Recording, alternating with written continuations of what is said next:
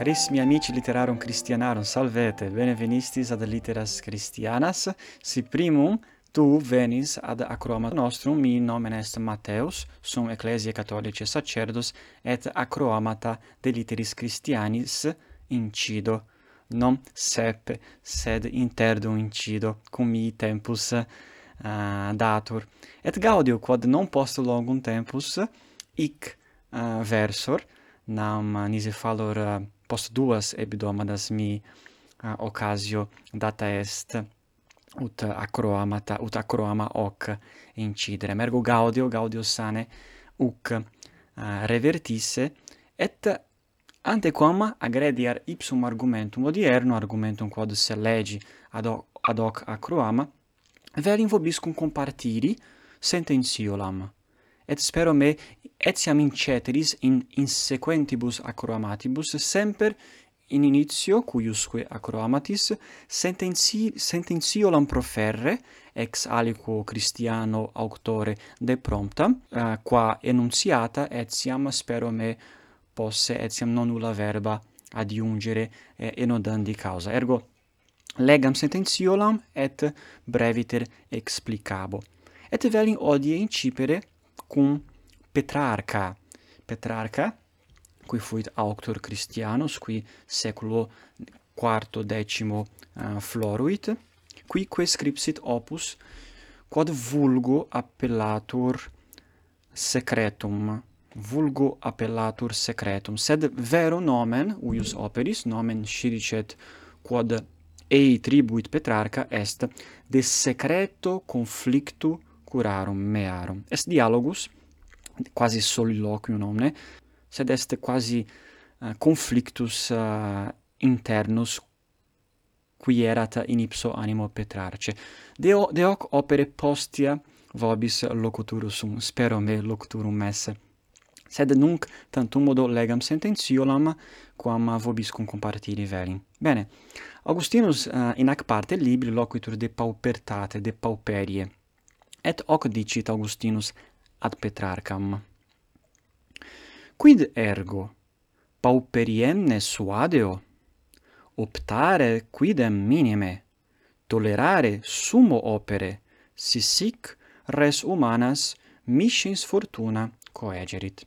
Alis verbis paupertas pauperies non est expetenda sed si nobis contingit debemus equo animo ferre est consilium quod non solum apud Christianus sed etiam apud philosophos stoicus uh, invenitur.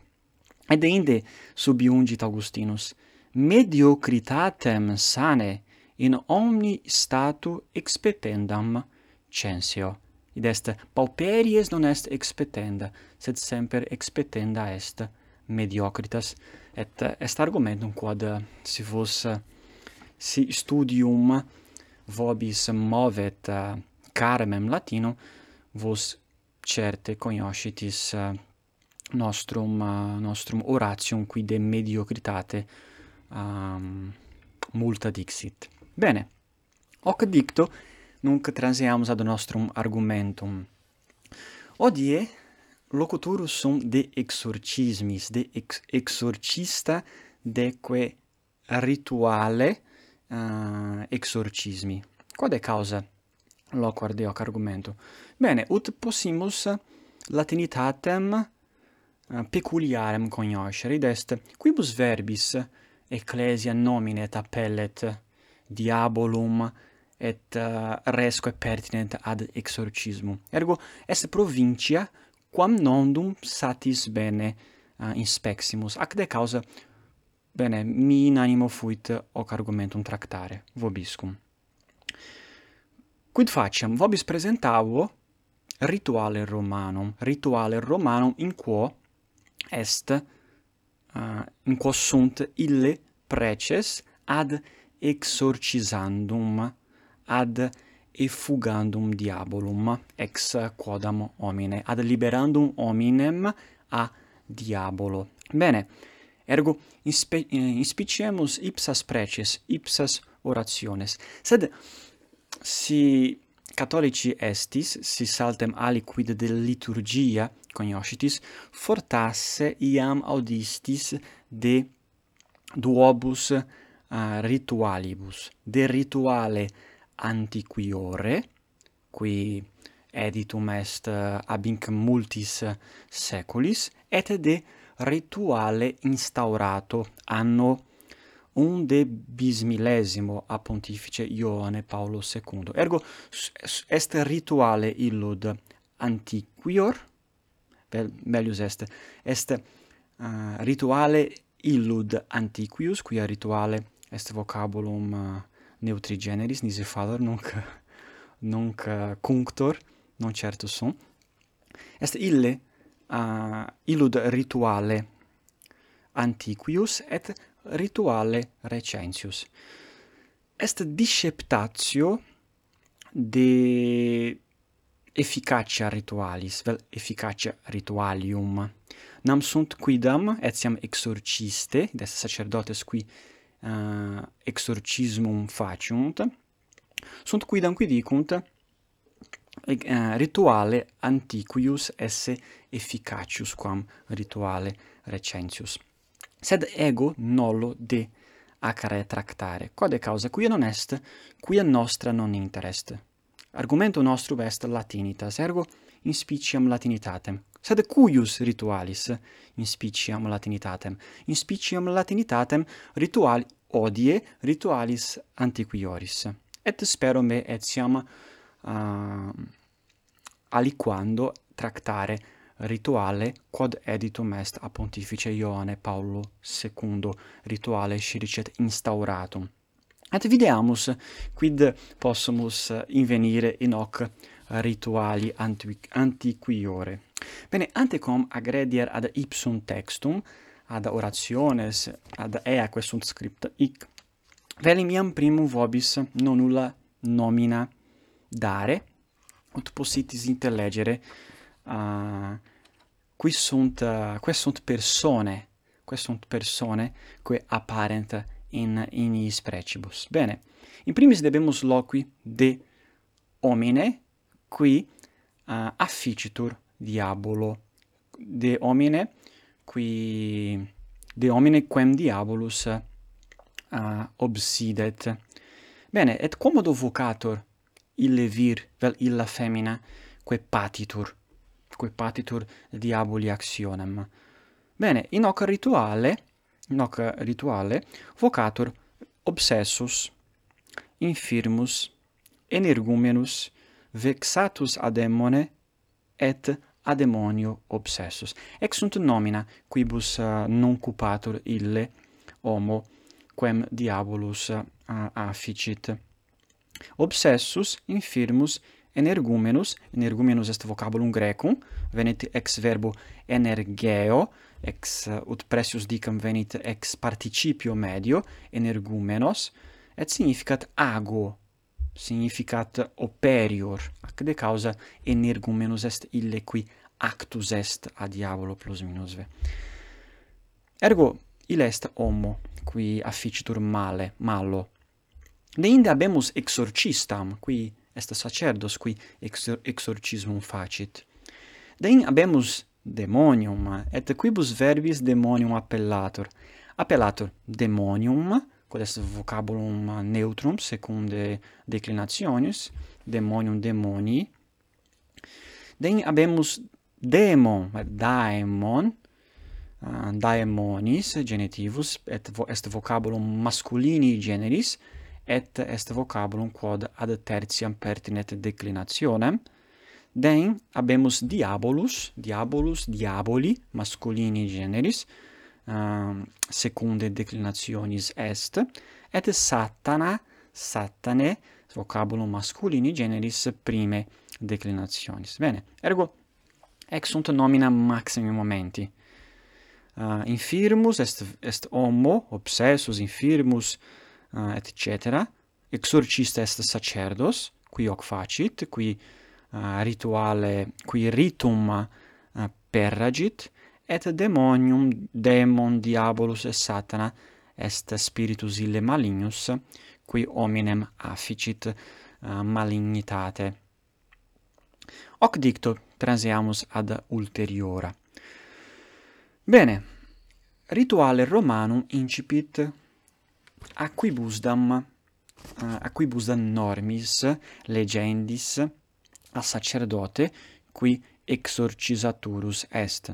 Et non possum omnes leges omnes normas omnes instructiones legere quia est nimis longum sed non nulla vobis uh, comparsi arque maxime studium vestrum movere potest.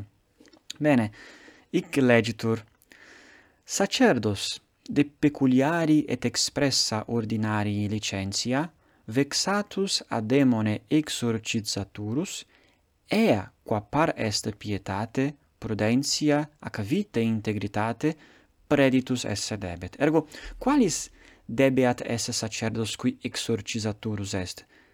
Primum omnium debet abbere, a ab ordinario id est ab episcopo vel a superiore licentiam uius ritus faciendi per agendi. Des no ut melius dicam omnes sacerdotes habent potestatem potestatem per agendi sed no omnes habent facultatem licentiam quia non omnes sacerdotes possunt ex se ipso sponte sua exorcismum facere nam est episcopi est episcopi eligere eos sacerdotes, qui ei vide, videntur aptiores ad hoc grave munus exercendum. Ergo, non omnes possunt, imo, omnes possunt, sed non omnibus licet.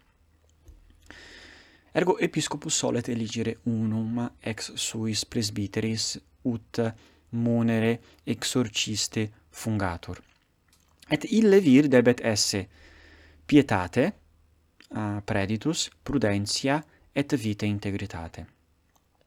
Ed eidem multalia dicit, et infine uius paragrafus uh, exunt, exunt, exunt dicta. Unc preterea mature etatis esse decet, et non solum officio, sed etiam morum gravitate reverendum. Id est debet esse sacerdos mature etatis, id est sacerdos nimis juvenis non, non convenit uic officio. Bene, pergamus, pergamus ad alias normas, vel ad alias instructiones. Bene, in secundo loco, in secundo loco nobis eh, propositum, habemus illa signa illa signa quibus demonium manifestato. Ed est comodo sacerdos potest dignoscere, comodo potest discrimen facere inter hominem qui vexat, vexatur a demonio et hominem qui afficitur morbo, aliquo morbo. Est questum signa ad uh, ad discrimen faciendum. Bene, legamus quid hic in scriptum sit. In primis, ne facile credat aliquem a demonio esse obsessum, sed nota abeat ea signa quibus obsessus dignoscitur abiis qui morbo aliquo presertim, ex psychicis laborant. Ergo sacerdos, sacerdos debet esse prudens, debet bene dignoscere inter hominem qui vexatur a demonio et hominem qui aliquo morbo afficitur. Signa autem obsidentis demonis esse possunt. Ignota lingua loqui pluribus verbis, velloquentem intelligere, distantia et occulta pate facere, vires supra etatis seu conditionis natura mostendere et id genus alia.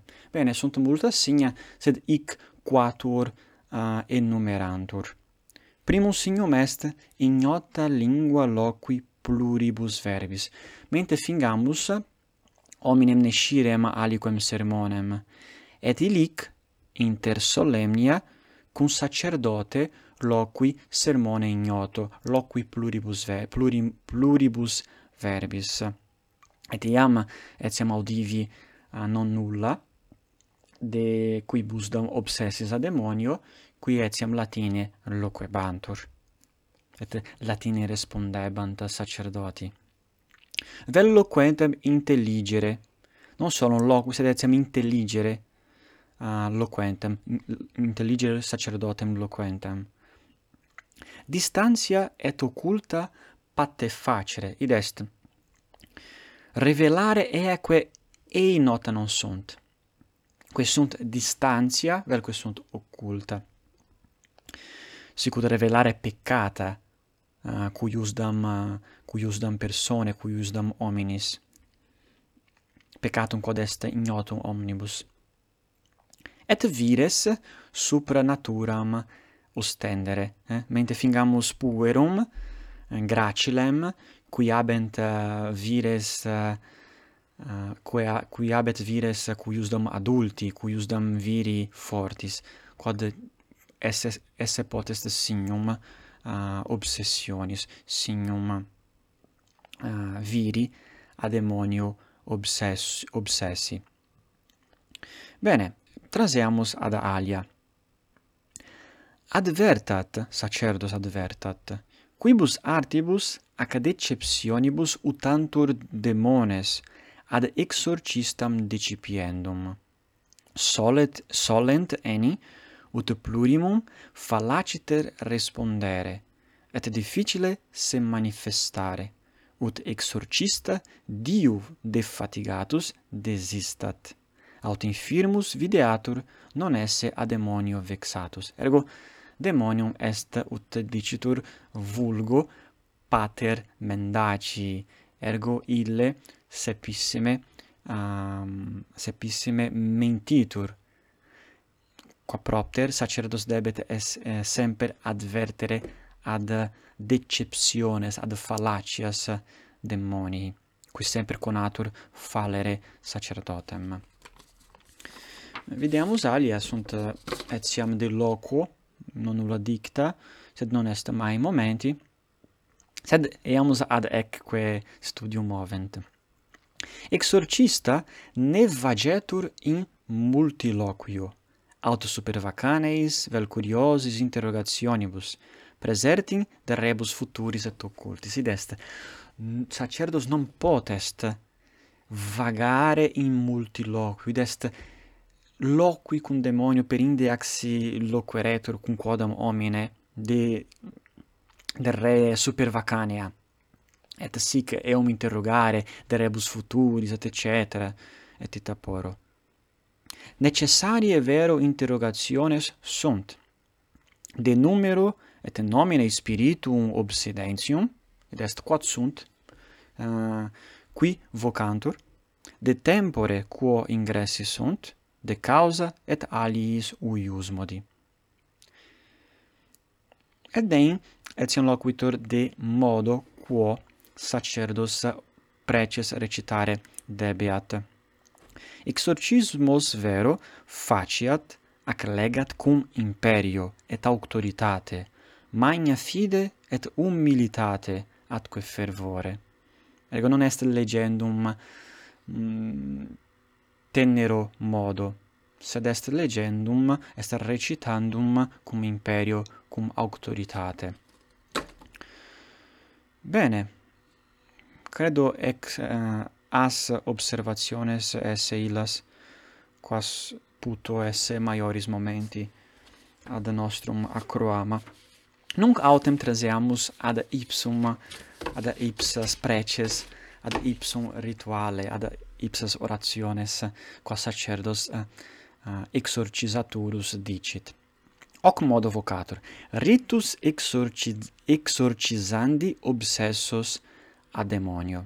Ergo, non loquitur de possessione, qui sepissime linguis uh, vulgaribus dicitur possessio, quod, uh, quod vocabulum venit ex verbo possidere, ex verbo possidendi, sed in nullo loco apparet sive verbum possidere, sive possessus vel possessor, sempre loquitur de obsessione, neque obsessio apparet, sed apparet verbum obsidere et participium obsessus. Ergo, non loquitur uh, rituale, ritus, ritus non loquitur de possessione, sed loquitur de uh, obsesso et de de verbo obsidendi. Bene. Incipium legere rubricam. Quid est rubrica? Rubrica est sunt illa verba quae in libro liturgico scripta sunt colore rubro itaque vocatur rubrica Si sumimus rituale Romano sive aliquem librum liturgicum invenimus duos colores. Invenimus verba duobus coloribus uh, scripta. Verba questunt scripta colore uh, colore nigro sunt eaque dicenda sunt quae recitanda sunt a sacerdo sacerdote vel abillo homine qui ritum peragit e autem quae sunt scripta rubro colore sunt res agende. Ergo rubri coloris sunt instructiones quae sunt agende no recitande. Optime? Itaque vocantur rubrica quia veniunt ex colore rubro. Bene, qui dicit prima rubrica sacerdos ab ordinario delegatus rite confessus aut saltem corde peccata sua detestans per acto si commode fieri possit sanctissimo misse sacrificio divinoque auxilio piis precibus implorato super pelicio et stola violacea indutus et coram se abens obsessum ligatum si sit periculum, si sit periculum, eum se et astantes communiat signo crucis, et aspergat aqua benedicta, et genibus flexis aliis respondentibus dicat litanias ordinarias et ita porro. Ergo, quomodo peragit ritum sacerdos? Primum omnium debet esse sacerdos delegatus a ordinari, ab ordinario, tiam vobis dixi, ab episcopo vel a suo superiore. Debet confiteri peccata sua, id est debet ad sacerdotem adire et confiteri peccata sua et excipere uh, peccatorum absolutionem. Si non ei occasio data est confitendi, debet saltem detestari peccata sua corde, id est corde in corde debet detestari peccata sua, id est facere id quod nos Christiani dicimus actum contritionis, est actus detestandi peccata. Et si fieri potes etiam debet celebrare missam, facere sacrum, et pis precibus implorare auxilium divinum. Hoc facto, induit vestimenta super pelicium et stolam, et venit coram coram obsessum et communiat sacerdos est semper modus conjunctivus qui est semper conjunctivus exhortativus. Sacerdos communiat eum obsessum se et astantes signo crucis. Id est debet signo crucis facere sibi et etiam obsesso et ceteris ad stantibus et inde aspergere omnes aqua benedicta. Hoc facto incipit sacerdos. Et prima parsa, uh, prima parsa exorcismi uh, constat psalmo, sacerdos recitat psalmum, psalmum quinquagesimum tertium. Quo facto sunt ali versiculi que qui pendent a salmo recitando et hoc facto venit ad primas preces, primas preces graviores utit dicamus. Prima prex est ad patrem, uh, et ex, ex prex eh, studio nostrum movet, quia iam possumus sentire uh, qua vehementia sacerdos uh, obiurget demonium, quia eum appellat refugam, tyrannum apostatam bestiam nequissimum draconem. Ergo eh, verbis uh, verbis eh, uh, vehementissimis et asperrimis increpat demonium. Demonium est refuga id est ille qui uh, deficit ab exercitu. Est tyrannus est apostata.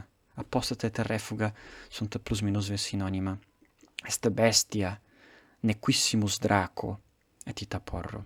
Spiritus immundus et multa alia bene sunt due orationes ad patrem sunt orationes deprecatorie quia non sunt orationes in demonio sed sunt orationes ad patrem ut pater liberet hominem ad demonio vexatum. Quo facto sacerdos legit uh, locum evangelicum, locum de promptum ex uh, evangelis. Quo facto Rursus recitat aliam alteram orationem ad non ad patrem sed ad Iesum. Et tandem is factis venit ad ipsum exorcismo. Et exorcismus constat tribus precibus. Sunt preces uh, quesunt dicte in demonium. Ergo non ad deum sed di sed dicte sunt no non deo sed dicte sunt in demonium. Sunt tres preces. Prima prex est minor est minima omnium. Secunda est maxima omnium et tertia est media. Ergo verim vobiscum uh, una legere prima quest minor uh, prex ut possimus sentire experiri uh, orationem exorcismi. Ergo potestis etiam legere quia non omne non qui audiunt sed qui uh, aspiciunt pelliculam in tutubulo possunt etiam legere orationem quia nunc in tabula elettronica vobiscum compartior. Bene legamus exorcizo te immundissime spiritus omnis incursio adversarii omne fantasma omnis legio in nomine domini nostri Iesu Christi eradicare et effugare ab hoc plasmate Dei Venergo iam sacerdos imperat ut demonio discedat, effugare et eradicare ab hoc plasmate Dei. Quid est plasma? Plasma est homo, quia homo creatus est, ut legere possumus in Genesi, creatus est ad imaginem et similitudinem Dei, ergo homo est plasma Dei, est imago divina. Ipse tibi imperat, qui te de supernis cellorum in inferiora terre demergi precepit. Ipse tibi imperat, qui mari, ventis, et tempestatibus imperavit.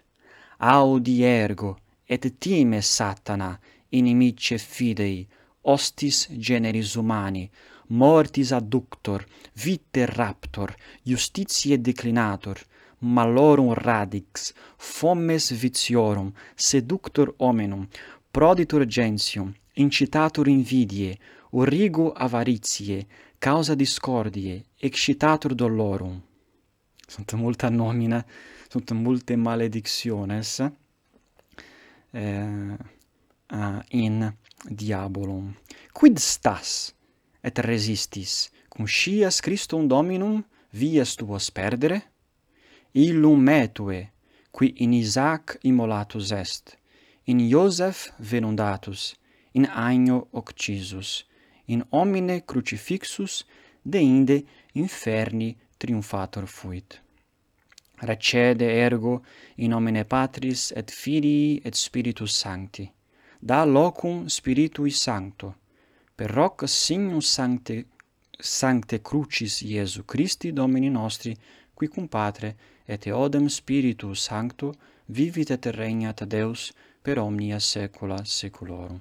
Bene, ec est prima Ah, uh, questa eh, prima prex exorcismi. Et den habemus etiam secundam et tertiam, sed plus minusve uh, modus uh, adiurandi, modus exorcisandi est idem.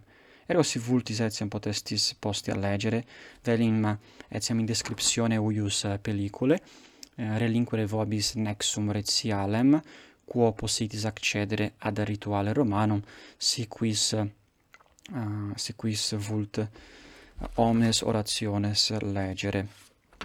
Bene post astres preces uh, sequitur symbolum uh, fidei id sunt multa alia quae sacerdos dici, uh, dicere potest infine exorcismi est symbolum fidei, symbolum illud Athanasianum, quo um, fides trinitaria presertim um, apparet, dilucide, et inde sunt multi, a, multi ali psalmi, quos sacerdos recitare potest. Et etiam nos possumus legere in rubrica, in illis descriptionibus de quibus iam vobis dixi, sacerdos, sacerdoti, licere, iterum iterumque a, re, a repetere orationes. Id est, sacerdos anima advertit, aduc, id est post preces, demonium vexare hominem potest iterare orationes, quousque demonium exeat. Bene, co facto est postrema oratio a post liberationem, um, legando ut uh, eh, possimus hoc modo finem facere, quae iam plus minus vetriginta minutas, triginta temporis momenta locutus sum, locutus sum, itaque nimis produxi acroama hoc, sed finem faciamus uh, ac prece. oramus te, Deus omnipotens, ut spiritus iniquitatis amplius non habeat potestatem in hoc famulo tuo, vel in hac famula tua sed ut fugiat, et non revertatur. Ingrediatur in eo, in eam, Domine, te iubente, bonitas et pax, Domini nostri Iesu Christi, per quen redemptis sumus, et ab omni malo non timeamus, quia Dominus nobiscum est, qui tecum vivit et regnat in unitate Spiritus Sancti Deus, per omnia saecula saeculorum. Amen.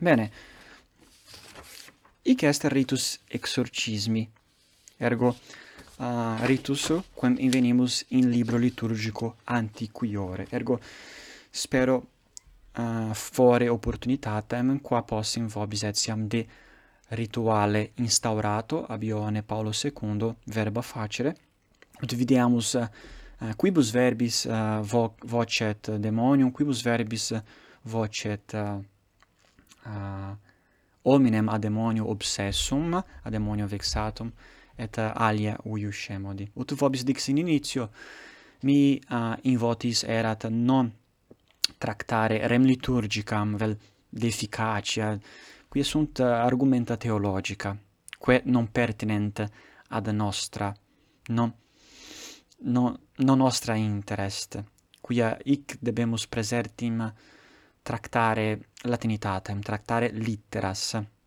etiam aliquando quando non, non nullos considerationes facio, quae pertinent ad, ad provinciam theologicam, sed hoc non est argumentum principum uius acroamatis. Ergo, spero vobis placuisse, et uh, si placuit queso, queso dicite ut sciam, et alia uius generis uh, alia plura uio generis eh, vobis proponere possi. Ergo valete et spero vos eh, rursus videre brevi in proximum